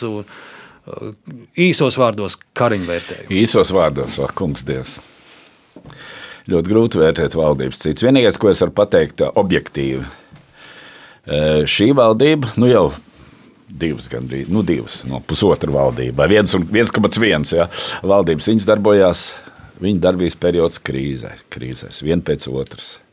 Varam minēt, tātad bēgļu krīze, pēc tam Covid, pēc tam uh, Baltkrievija, pēc tam karš, nu, krīzēs. Tas varētu noteikt to, to rīcību, bet uh, no otras puses ir jāsaka arī, ka. Nu, sakiet, kā iz... ir Kariņš, kā, kā jūs redzat, kā viņš vada valsti? Nu, izlēmība ir tomēr. Tagad parādās reakcija uz to, ka viņam tā izlēmība nav bijusi stiprā pusē. Jo redziet, tas jau ir skaidrs, ka mums aug nepieļaujama proporcija tie cilvēki, kas ražo kas kaut ko sniedz pakalpojumus, tie, kas strādā, viņu skaits pret tiem, kas nu, faktiski saņem no, no, no budžeta un tā tālāk, tā proporcija izmainās ļoti slikti. Un to tik ātri izmainīt nevarēs. Tas nozīmē, ko tas nozīmē vienkāršos vārdos. Mums cilvēks, kas strādā valsts sektorā, tā ir skaitā ne tikai ierēģi, bet valsts sektorā, mums jāatrod veids, kā mēs viņus Nevis vienkārši atlaižam vaļā. Tas jau ir pilnīgi nepareizi, bet kā mēs viņus varēsim tajā privātajā sektorā ievirzīt, palīdzēt. Nevis vērt durvis vaļā, ka brauks iekšā pie mums visi. Un cerēsim, ka atbrauks labie. Bet, ja mēs tā izdarīsim, mums būs nevis uzlabojumi, mums būs tādas problēmas, kādas mums sapņos nebūs rādījušās. Un tas jautājums ir, kāpēc, kāpēc Kariņš tagad noreaģēja? Viņš, nor, viņš ieraudzīja to bildi, kad vai nu tad ko pensijas vecuma augšā, vai nu tad taisam vārds vaļā. Nu, jā, bet tā jau ir reakcija, kas jau ir. Nu, tā, tā ir pirmkārt novēlota reakcija, un otrkārt ne jau tikai kādiņš vien, bet tā ir zināma. Es gribu pateikt vēl vienu tēzi noteikti. Tā ir tā lieta, redzēt, tā vienotības laiks, viņš raksturojas ar to, ka tā bija reakcija uz oligarhiem, uz visiem tiem, kas bija pilnīgi skaidrs, ka tā nevar dzīvot. Viens ir Vēnspīlī, viens ir bijušie ministri, vietnieki un tā tālāk. Tā sabiedrība nekad Latvijā nepieņems. Un tā bija reakcija, kad tos noņēma un tad parādījās vienotības uzstādījums, viņi, bet tā viņu politika bija, maigi sakoties, no vienas puses tā kā saprotam, apmierināt pēc iespējas vairāk cilvēks, kas, kas grib labāk kaut ko, bet tā problēma, ko jūs to dariet, jums jāsaprot, ka kad, kad vienlaikus ir jārūpējas par to proporciju. Bet, ja jūs esat palielinājuši tur skaitu, tur skaitu, un samazināt jūs negribat. Un tad jūs nonākat vienā brīdī, tur, kur tagad ir kariņš. Nu, ko nu tagad darīt? Un, jā, un tagad redzēsim, jo tur, no turienes tā ekonomikas transformācija sastāvēs no divām lietām. Tā viena lieta būs tā pozitīvā, ko saka jaunieši. Jaunas tehnoloģijas, automatizācijas, bet tā sliktā lieta būs, ka būs jāatrod, kā mēs varēsim tos cilvēkus pārbīdīt no valsts sektora privātajā. Kariņš ir premjerministrs šobrīd, pirms viņa ir bijusi arī virkne. Jūs bijāt pirmais, atjaunojot Latviju. Mans jautājums ir, kurā brīdī? Sākumā mēs visi bijām uz vienas starta pozīcijas, Latvija, Lietuva, Igaunija. Kurā brīdī notiek tas, ka mūsu kaimiņi mums krietni aizsteidzās pa priekšu, kā tagad runā Igaunijas attīstībā, tautsēmniecībā jau ir desmit gadus mums priekšā. Nu, tur droši vien viena Kariņa vaina nav. Eh, arī jūs krietni laika esat bijis izpildvarā valdībā, dažādos ministru amatos. Kurā brīdī kaimiņi aizskrēja mums pa priekšu, vai arī mēs sākām iepalikt? Es domāju, ka tas, šī atbilde būtu vismaz divu stundu vērta, ja mēs ļoti rūpīgi runāsim, runāsim argumentos. Tādas iespējas nav. Jā, divās minūtēs varētu teikt tā. Pirmkārt, eh, starta pozīcijas nebija vienādas. Mēs gada laikā pusotra gada laikā, aizjot no PSRS, zaudējām 45% no mūsu koprodukta. Latvija konkrēti, Igauni 25%. Kāpēc mēs zaudējam daudz vairāk nekā viņi? Tāpēc, ka mums bija tās savienības rūpnīcas un viss tā integrācija PSRS ekonomikā pilnīgi citā līmenī nekā mums ziemeļos un kaimiņos. Tas bija viens.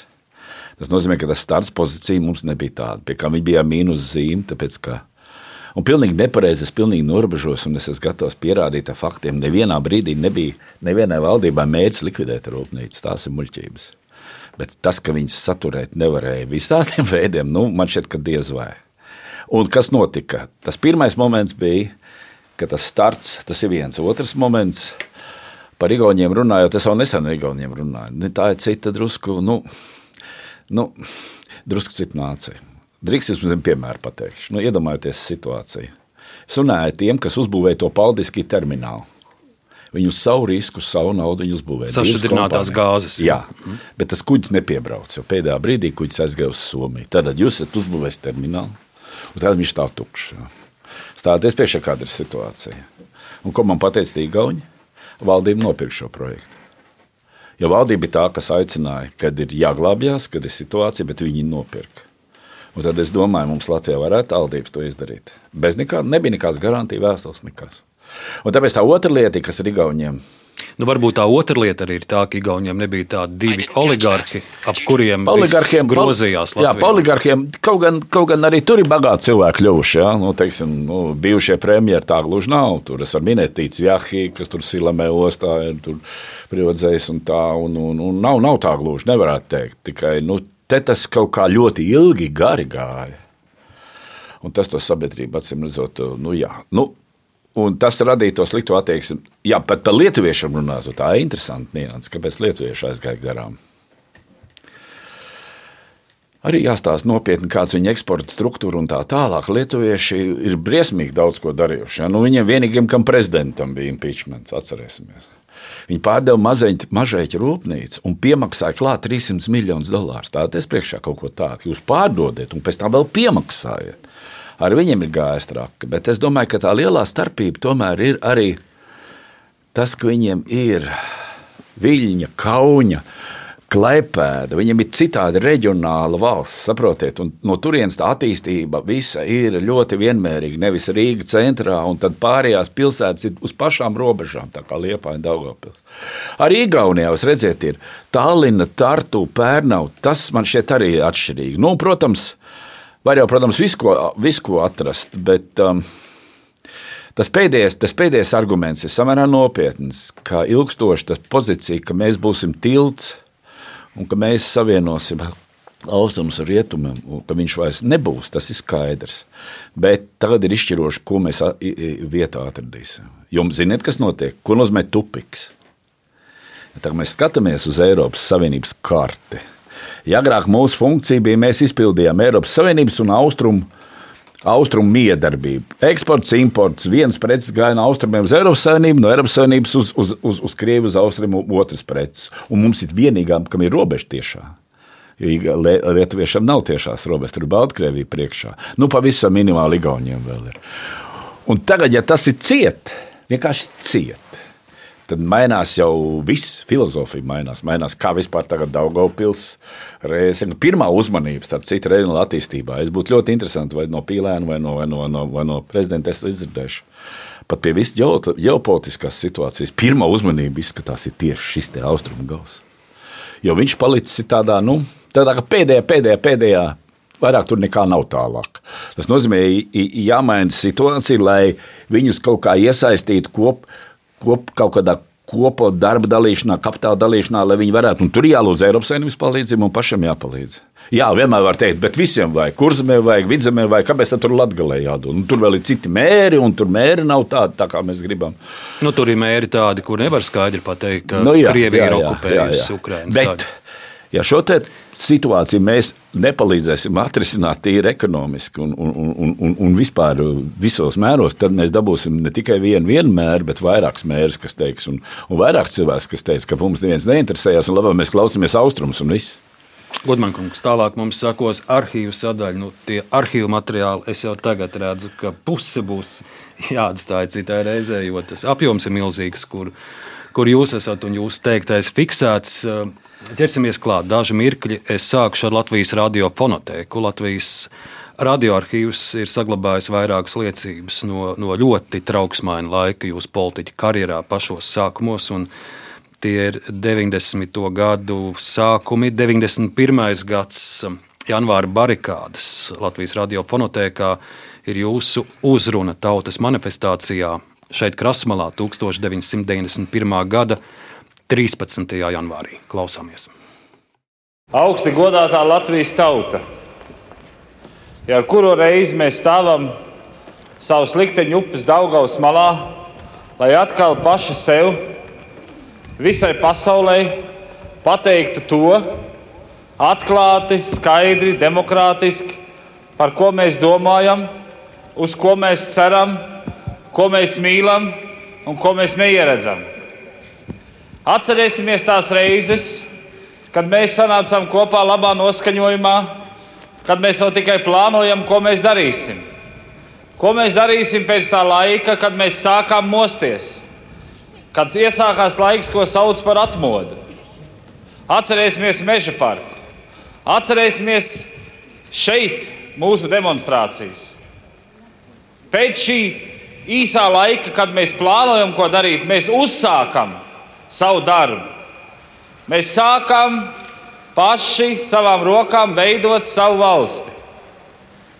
To vislielākā mērā dara gan parlaments, gan savu iespēju robežās arī valdība. Mēs sākām paši lemt sev likumus Latvijā, mēs sākām paši noteikt sev līdzekļus, par kādiem dzīvosim.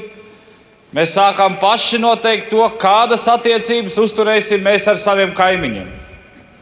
Un tieši tad, kad mēs sākam iet šo ceļu, mums grib uzspiest ko citu. Mūs grib atgriezt atpakaļ tur, kur mūs patiesībā atgriezt nekad vairs nevar. Un es domāju, ka ne tikai šodien, bet arī vēlāk, visas šīs dienas, visi šie mēneši un visi šie gadi, lai cik arī grūti tie nebūtu mums, mums jāpaturprātā viens. Tikai tad, ja mēs vienoti, latvieši, kā arī citas tautības pārstāvji, kas dzīvo šeit, Baltijas jūras krastā, skaidri un garš teiksim, Mūs var spiest, mūs var liekt, bet mūs nevar iedzīt atpakaļ tur, kur mēs bijām. Tajā dziļajā miegā.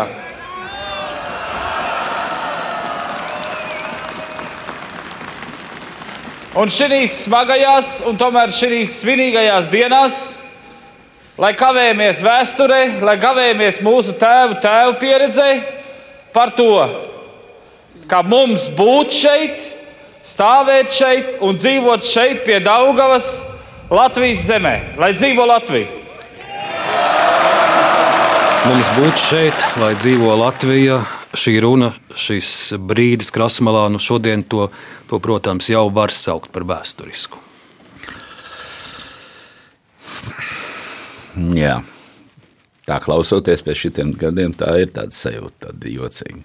Bet no vienas puses, nekas jau tā, nu, bet ir kaut kas tā ļoti nu, mainījies. Es domāju, tas uzstādījums paliek mums. Tas dziļais pamatu uzstādījums jau paliek. Mainās apstākļi, jā, bet paliek jau tas. Tas ir aicinājums nebraukt no šejienes prom, tas aicinājums savu valstu uzturēt, jo bez mūsu valsts mums nekas nebūs. Tas ir pilnīgi skaidrs. Tas ir aicinājums tomēr nu, latviešu, tāpēc es vēršos. Nu, bet neaizmirst arī tos, kas nav latvieši. Tas ļoti svarīgi. Mums tā vēsture ir, ir, ir, ir sarežģīta.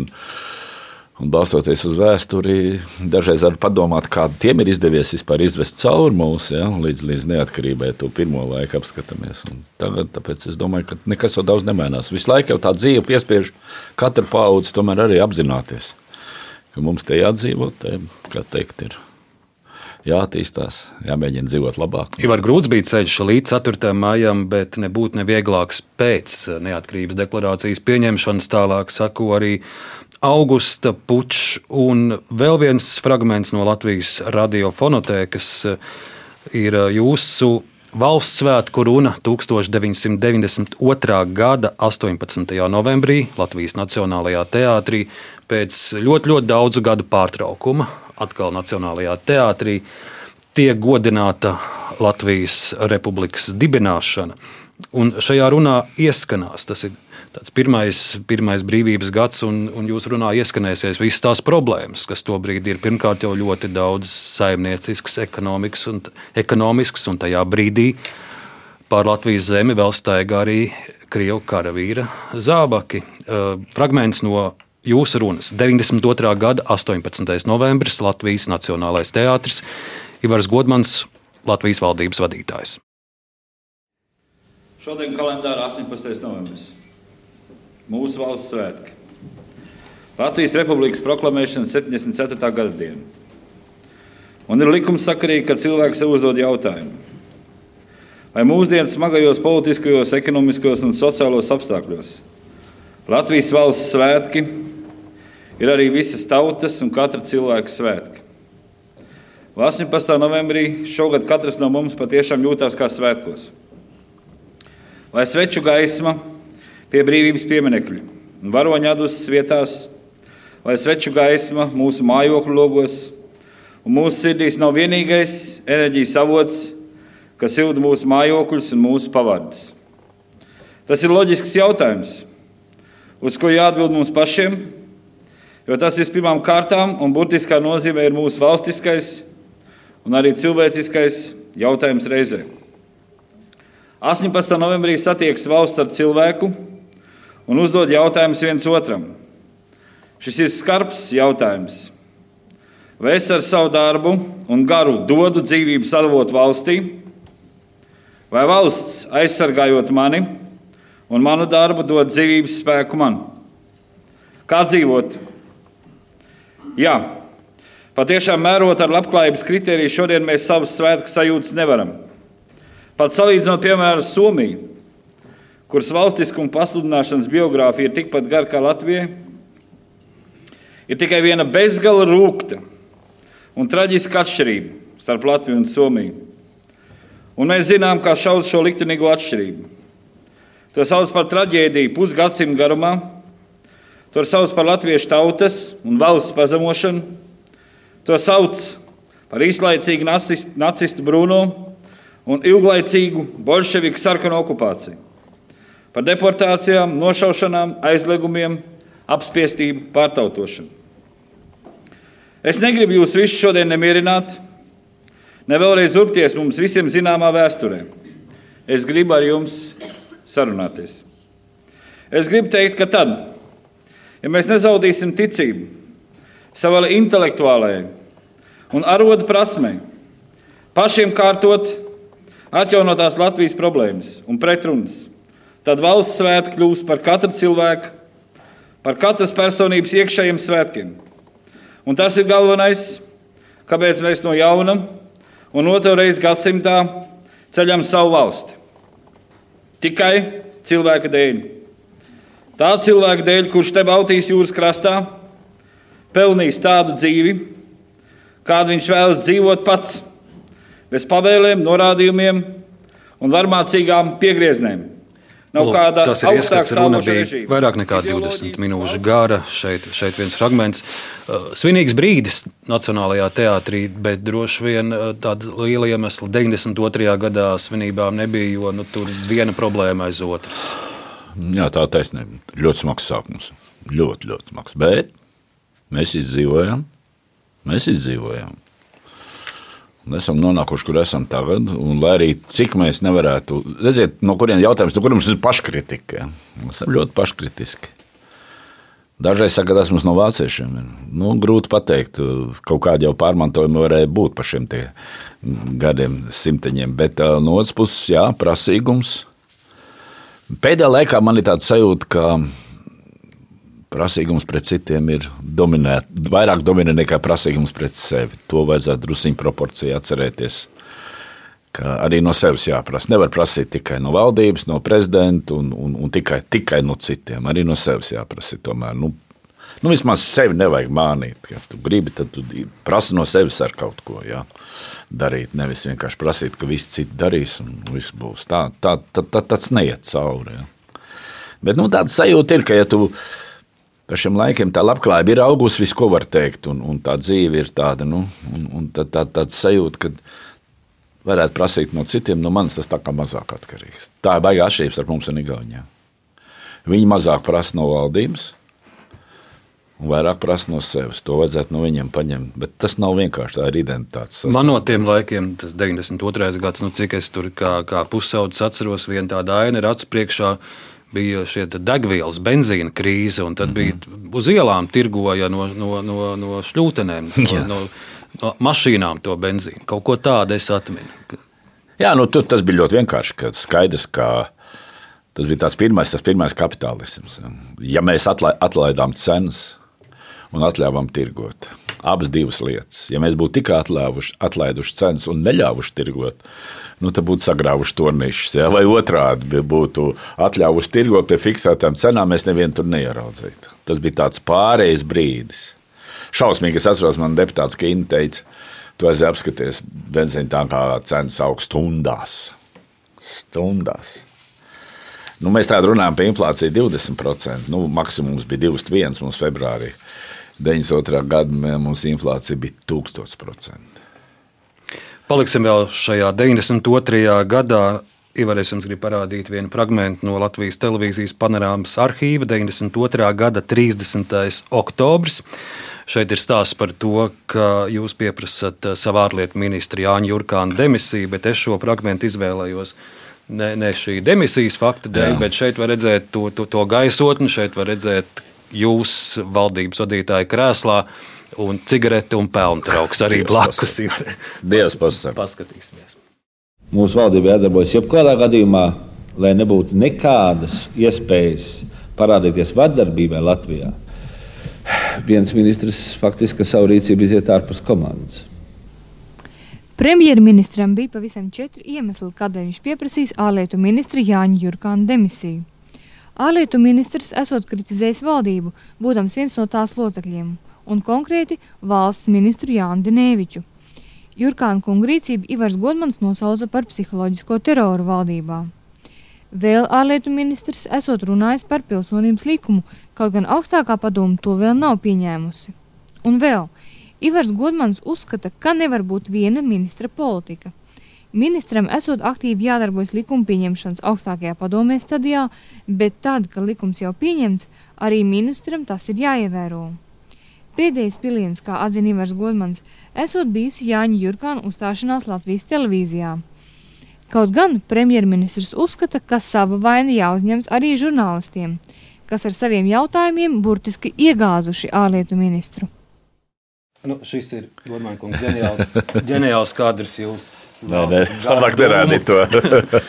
nu, Tagad ar laika distanci vairs varbūt nav svarīgi. Tur tie iemesli man gan likās interesanti, ka jūs arī žurnālists vainojat, ka pārāk kaut kāds Nu nu, provokatīvs ir tā. jautājums ir uzdevuši. Bet, Demokrātija tikai sākusies, bet toreiz saprotiet paši, jau nav tik vienkārši. bet šo es izvēlējos, lai ieskicētu, kādi tie 92. gads ir bijis. Jā.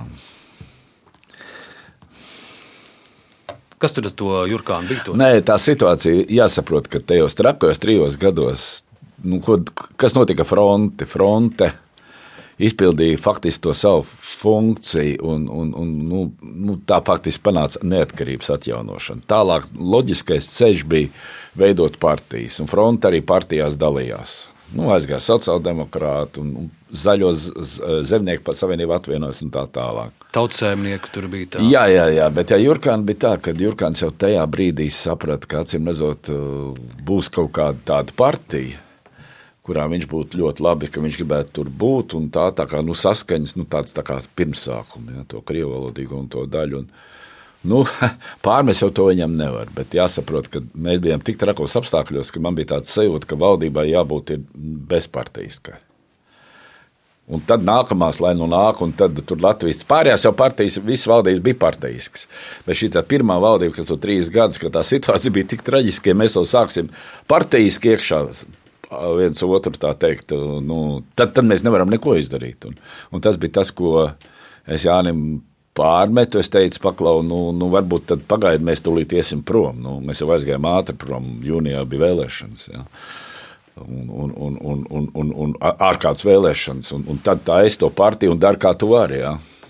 Bet tā problēma iznāca, ka es biju iekšā, un tāpēc tā man reakcija varbūt, nu, mēs jau esam runājuši, varbūt, kad arī bija. Pārāk kas, bet es kaut kā stādījos priekšā, ka mums tāpat cīnāmies izmisīgi, lai noturētos, un mums vēl iekšēji sāksies partijas šķīvis, tad ir cauri, tad mēs gāzīsimies. Ja jūs pieminat savu aso reakciju, jūsu asie vārdi, asā mēlē ir dokumentēta arī dažos, ta, ne, dažos bet, labi, bet vairākos, labi. vairākos tautas frontes kongresos. Un tautas fronti mēs šodien nevaram nepieminēt. Ar fronti sākās Jā. arī jūsu Tā politiskā aktivitāte. Ir, ir ļoti daudz dokumentēts. Jūsu uzstāšanās runas uh, tautas frontes laikā. Es izvēlējos vienu, vienu epizodi. Tā būs no Tautas frontes trešā kongresa. Un šeit jūs uh, būsiet uh, sašutis, ka tautfrontieši tik runā un runā un negrib neko darīt. Uh, Fragments no Latvijas kronika, numur 31, 90. gads, Rīgas dokumentālo filmu studija, režisors Pauls Pakalns, teksta autores Dzidras Smiltēna. Fragments no 90. gada Tautas frontes trešā kongresa. Par Latvijas pašsaglabāšanos sprieda arī Latvijas Tautas fronts trešajā kongresā. Par to arī domas priekšsēdētājs Romualds Ražuks. Šeit mēs redzam Džemas Kulme, Jā, jā, Viktors avoti. Avotiņš, Romualds Ražuks. veikt šīs sistēmas demontāžu, tad mēs arī varēsim atbildīgi runāt par Latvijas izsaimniekošanas kontroli. Kām taču jāveic šī kontrole? Dabīgi valdībai, tas ministrijām. Tātad šeit ir varas jautājums. Varas jautājums. Un mums Latvijas tautas frontī visai tautai ir jāprasa caur parlamentu, izdarot spiedienu mūsu frakcijai, lai tas savukārt pieprasītu no valdības, tas vadītājiem, ministriem, kas tiek darīts ikdienā, lai apstādinātu šo Latvijas izsaimniekošanu. Gadījumā mums neizdosies demontēt šo sistēmu un uh, pārsvarā uz vietām, pagastos, novados, pilsētās ievest patiesu tautvaldību, tautai pašai pārņemt varu savas rokas, demontējot šo padomju sistēmu, kura nebija nekas cits kā partokrātijas varas realizēšanas aizseks, tad mums neko nekā panākt neizdosies.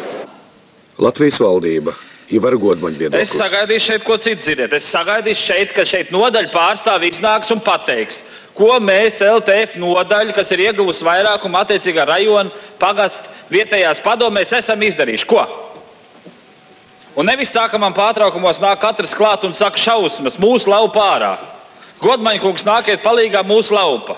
Mūsu laupa tur, tur, tur, tur. Mēs, protams, varam censties. Kaut ko jau mēs esam izdarījuši. Mums ir muita uzlikt, Mēs cīnāmies arī par spekulāciju un tā tālāk, bet tas ir jādara jums lejā. Kur jūs esat tad, kad ir jāiet iekšā izpildvarā, kad ir jāiet izpildvarā? Tautas fronte vinnēja vietējās padomus vēlēšanas, viss izpildu komiteja priekšsēdētāji pa visu Latviju palika praktiski vien un tie paši. Ko tas nozīmē? Tas nozīmē, ka mūsu vidū ir cilvēki, kas Tas fragments ļoti impulsīvs. un, un, un tāds... Nu jā, nu jā, nu jā.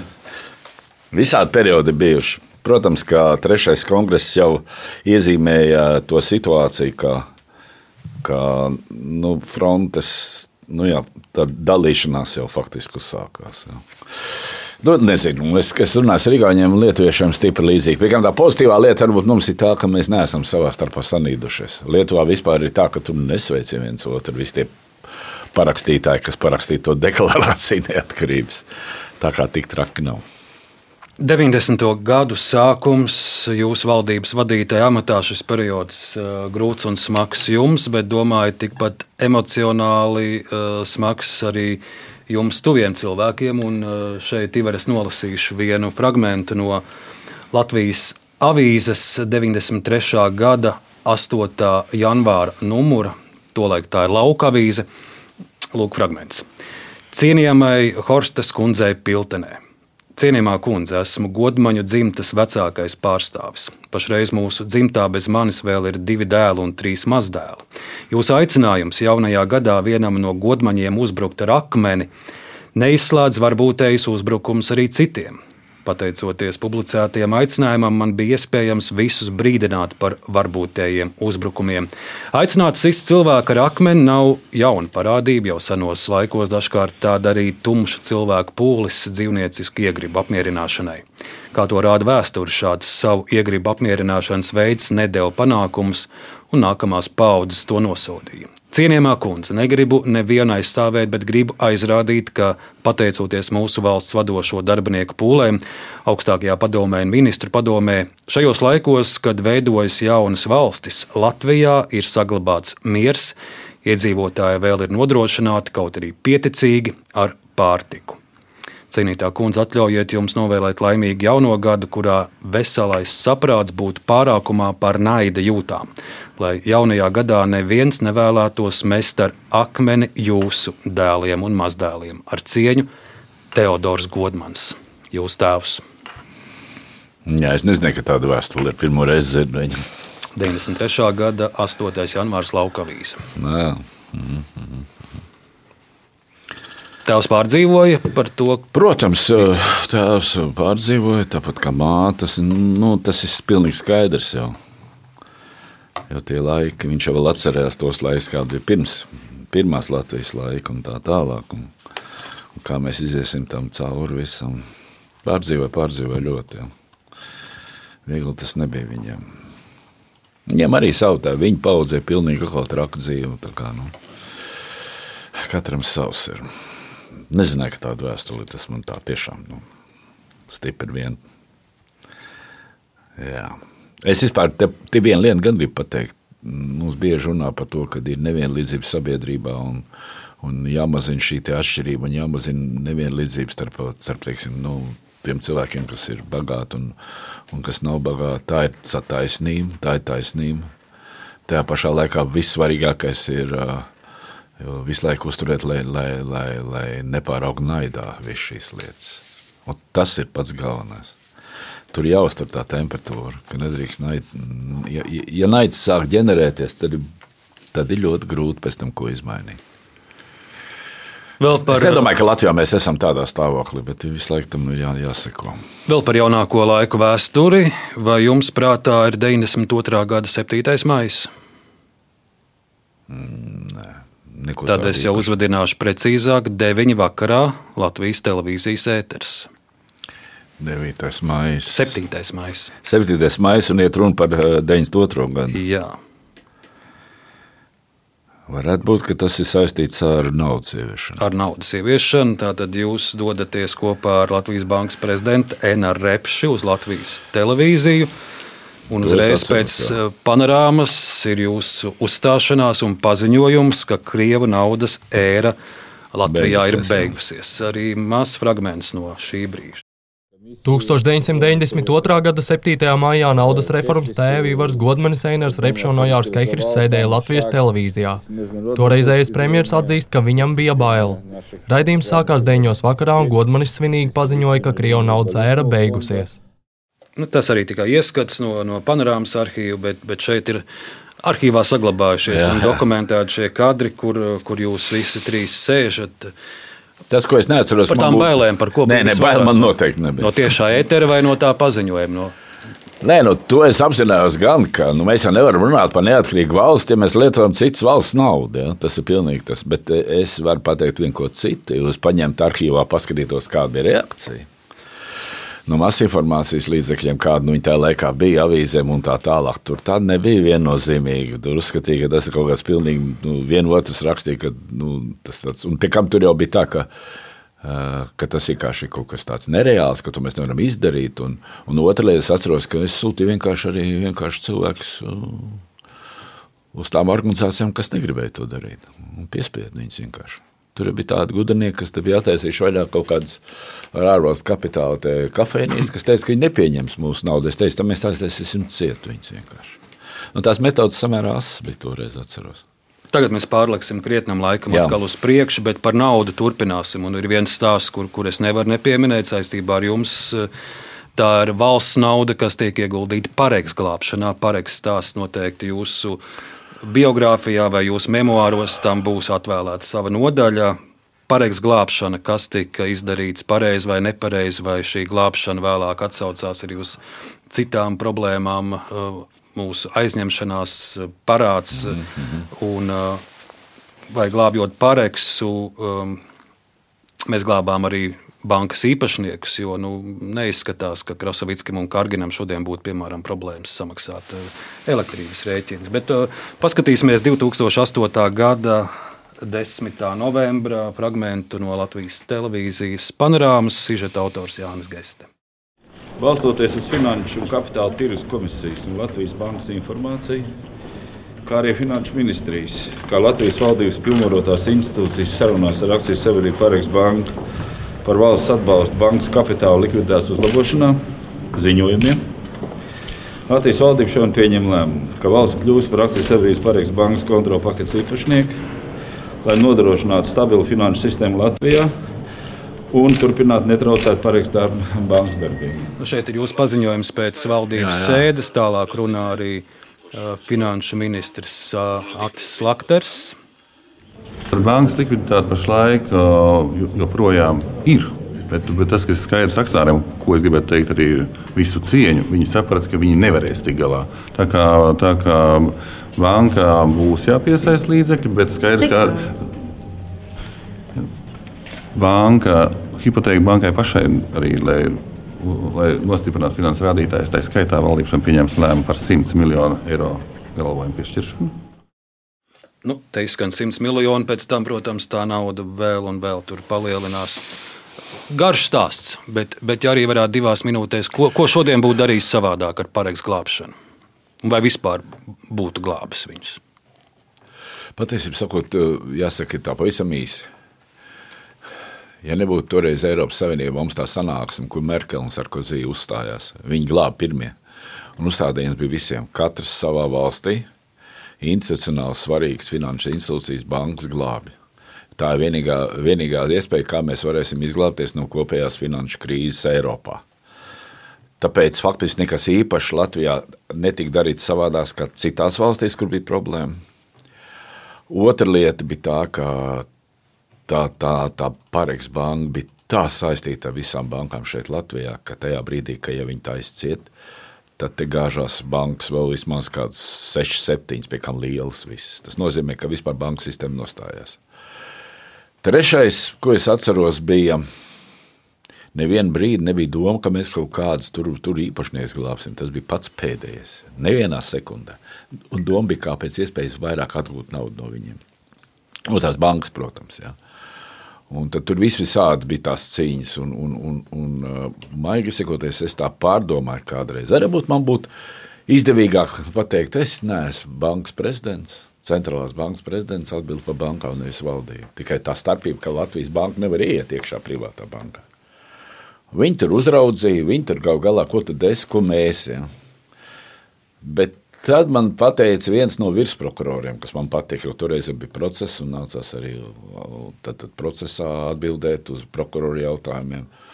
Un tad viņš pateica ļoti vienkārši. Viņš saka, saprotiet, Goldmaņa kungs, mēs ar jums runājam abos gadījumos.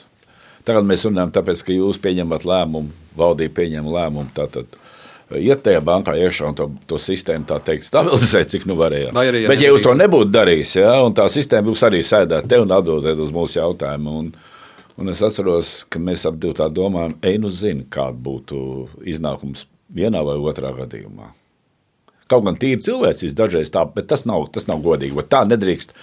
Ja tu esi tajā amatā, tu nedrīkst tā domāt.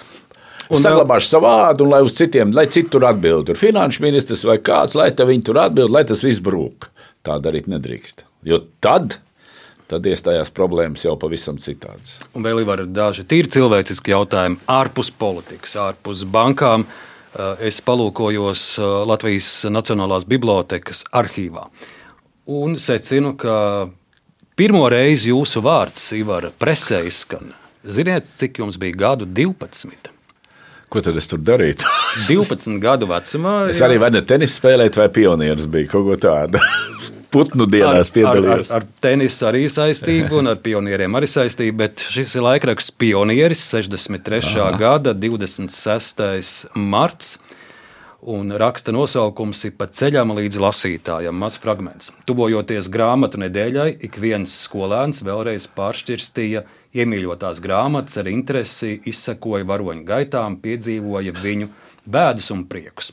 Arī Rīgas pirmās vidusskolas piektās klases pionieri ir lieli grāmatnieki. Pulciņa padomes priekšsēdētājs, vēlreiz jā, jā, Pulciņa jā, jā. padomes priekšsēdētājs Ivars Godmans sācis krāt grāmatas jau no pašas pirmās klases, un tagad zēnam ir pāri par simt dažādu sējumu, gan latviešu, gan krievu valodā.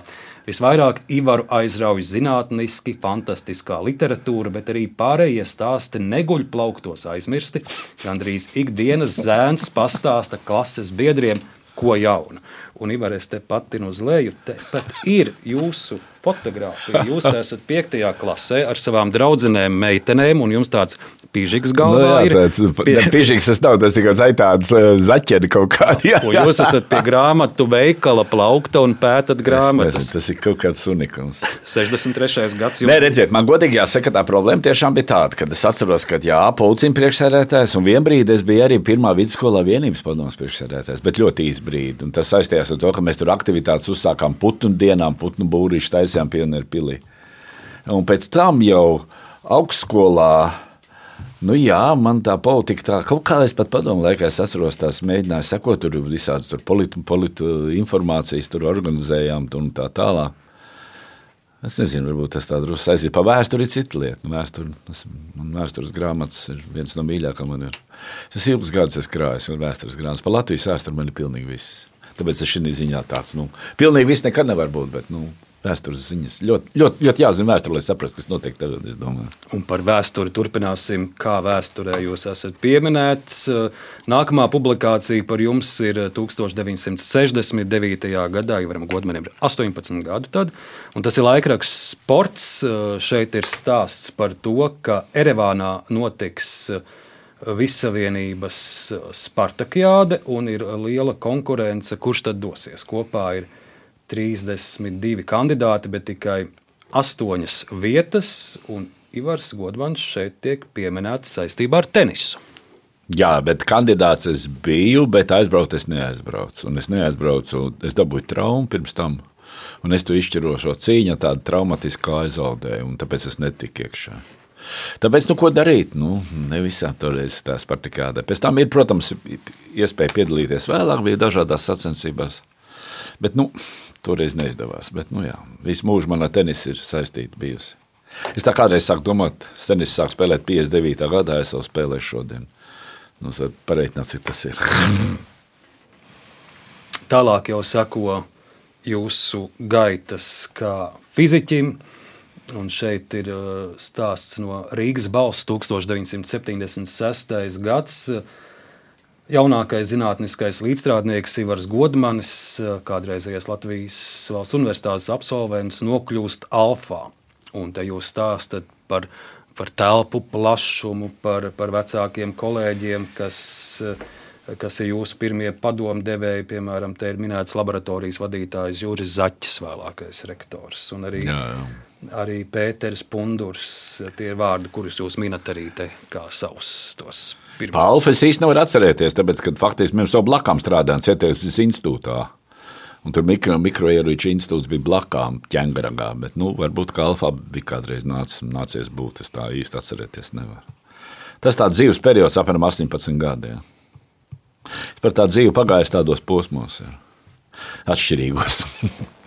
Un vēl viens stāsts, vēl, vēl atmoda nav sākusies. 80 septītais gads, bet tūlīt, tūlīt jau būs visi lielie procesi. Šeit ir stāsts no laikraksta dzimtenes balss. Nu, Tas bija laikraksts, kur bija čekas paspārnē, trimdas, nu, nu, trimdas latviešiem. Un te ir stāsts par to, ka pēc stažēšanās mēneša garumā Vīnē Latvijā atgriezies sporta ārsts Kārlis Strēlis. Viņš te stāsta, kā viņam ir Vīnē gājis. Un, un tad viņš piemin, ka patīkam bijusi arī triju dienu uzturēšanās Gracā, kur viņš ir saticies ar rīznieku Ivaru Godmani, Cietvielu fizikas institūta speciālistu. Arī viņš tur aizbraucis papildināt savas zināšanas.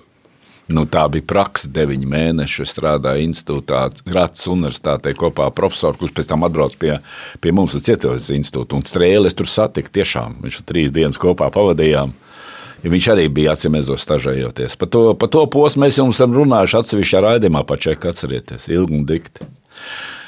Nu, jūs pats pieminat čeku, mēs patiešām pa čeku esam pateikt, vien, pa čeku, pa čeku var pateikt vienu vārdu. Bet, bet tieši saistībā ar šo stažēšanos vīni, tas, tas viss tas čekas stāsts ar to tur bija jāsaka. Nu, vairāk tāpēc, ka tagad aktualizēja arī, teiksim, nu, prezidenta kandidātu, tās mācības tur Vācijā un tā tālāk. Nu, redziet, kāds ir. Es varu pateikt tikai to, ka neesmu bijis es čeks aģents un neesmu ne pa vienu ziņojis. Tas ir ļoti svarīgi. Tāpēc eh, tur tās lietas ir tādas skaidras, vai, vai tu esi aģents vai tu neesi. Ja, vai, ja, ja, ja kāds ir mācījies, teiksim, tā kā pīlēnkungs vai kas, nu, apgalvot, ka tas ir jau ar čeku saistīta lieta un ka tas ir čeks inspirēts, tur ir jābūt pierādījumiem. Jābūt pierādījumiem. Ja tāda pierādījuma nav, tad tā ir tāda politiska runāšana tikai. Bet es redzu, nu, šis, šis ir tā, šī tāda sāpīga epizode, kur ik pa brīdim jums šo. Nē, no nu, pašam tas bija ļoti sāpīgi. Iedomājieties, ka es no valdības aizēju. Es esmu nocīnījies, tur gandrīz nomiris. Tiešām, principā, ir nomiris. Un es atgriezu man tādu. Un tad jūs, kartiņas, un tad jūs uzzināt, ka jūs esat aģents Puguls. Jā, jā Puguls un kartiņas ieraudzīja. Nu, neko labi es no tā nevaru atcerēties. Nepatīk. Ko darīt? Tāda dzīve.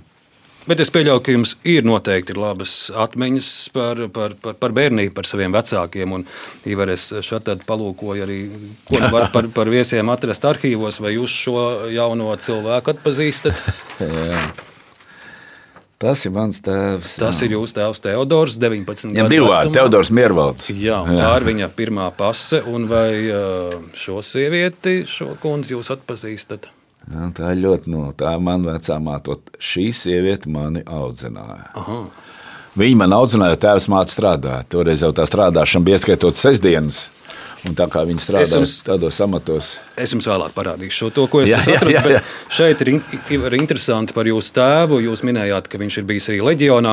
Jā. Šeit ir 41. gada tautas skaitīšana. Es atradu divas vietas, kur viņš 41. gadā kā students kopā ar saviem eh, Jā. draugiem, studentiem, ir, ir eh, tā, mainījis tās dzīves vietas Latvijas laukos.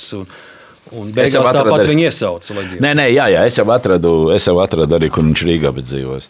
Jo, nu, ko es varu teikt, ats- atskatoties tā pavisam vienkārši. Es savā laikā man māte nelaiķe.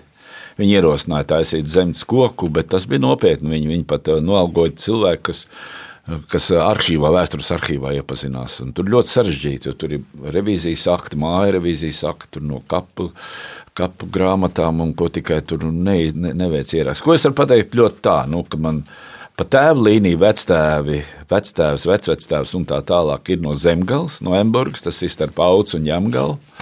Uh, Tā tad uh, vectēvs ir strēlnieks bijis, viņš ir dabūjis arī pa Cīņās pret Bermontu, es sapratu. Jā, jā, pret Bermudu viņš cīnījās, un, un tas sakrit arī, ka man tēvs piedzima. Faktiski. Iznāk, viņš pagrabā, pagrabā, kā viņš man teica, piedzimis vecajai mammai. un Tajā laikā tieši Bermudu cīņās devās mans vectēvs.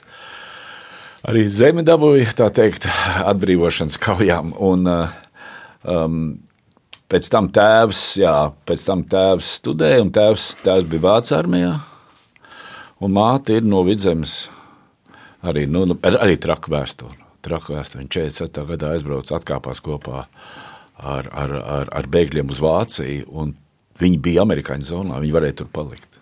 Bet vecā māte pa visu varu gribēja atpakaļ uz Latviju. Tad viņi nonāca atpakaļ Baltkrievijā. Viņi jau nelēja Latvijā iekšā. Tra, traku vēsturi. Lūk, šādi vēstures līkloči un ivar, bet nevar neizskanēt mūsu sarunā arī bungu skaņas, jo Mūzikas daudz tās, pie jā. bungām arī esat sēdējis. Šeit fonā skanēs Queen. Nu, tie, kas vēl palikuši no Queen, bija Rīgā, un, un jūs tolaik paaicinājāt arī ar viņiem kopā uz vienas skatuves, kamēr skan šis, šis mirklis, un mēs dzirdēsim uh, bundzinieku Ivaru Godmani. Jūs un bungas.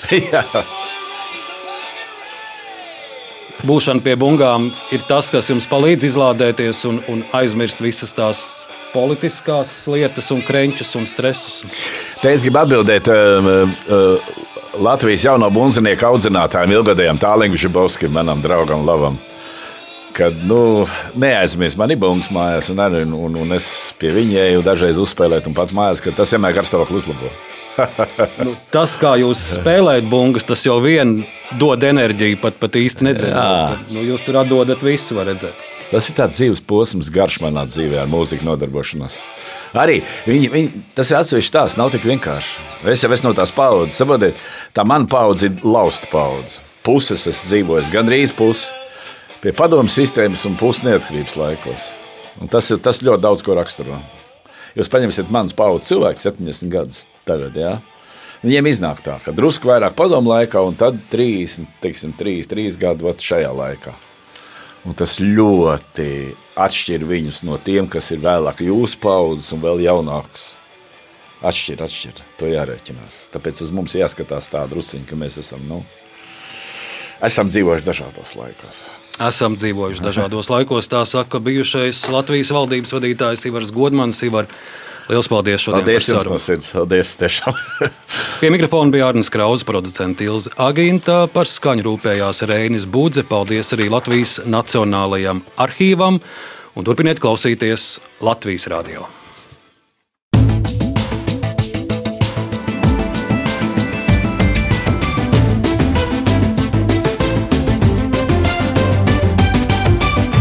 Laikmeta krustpunktā.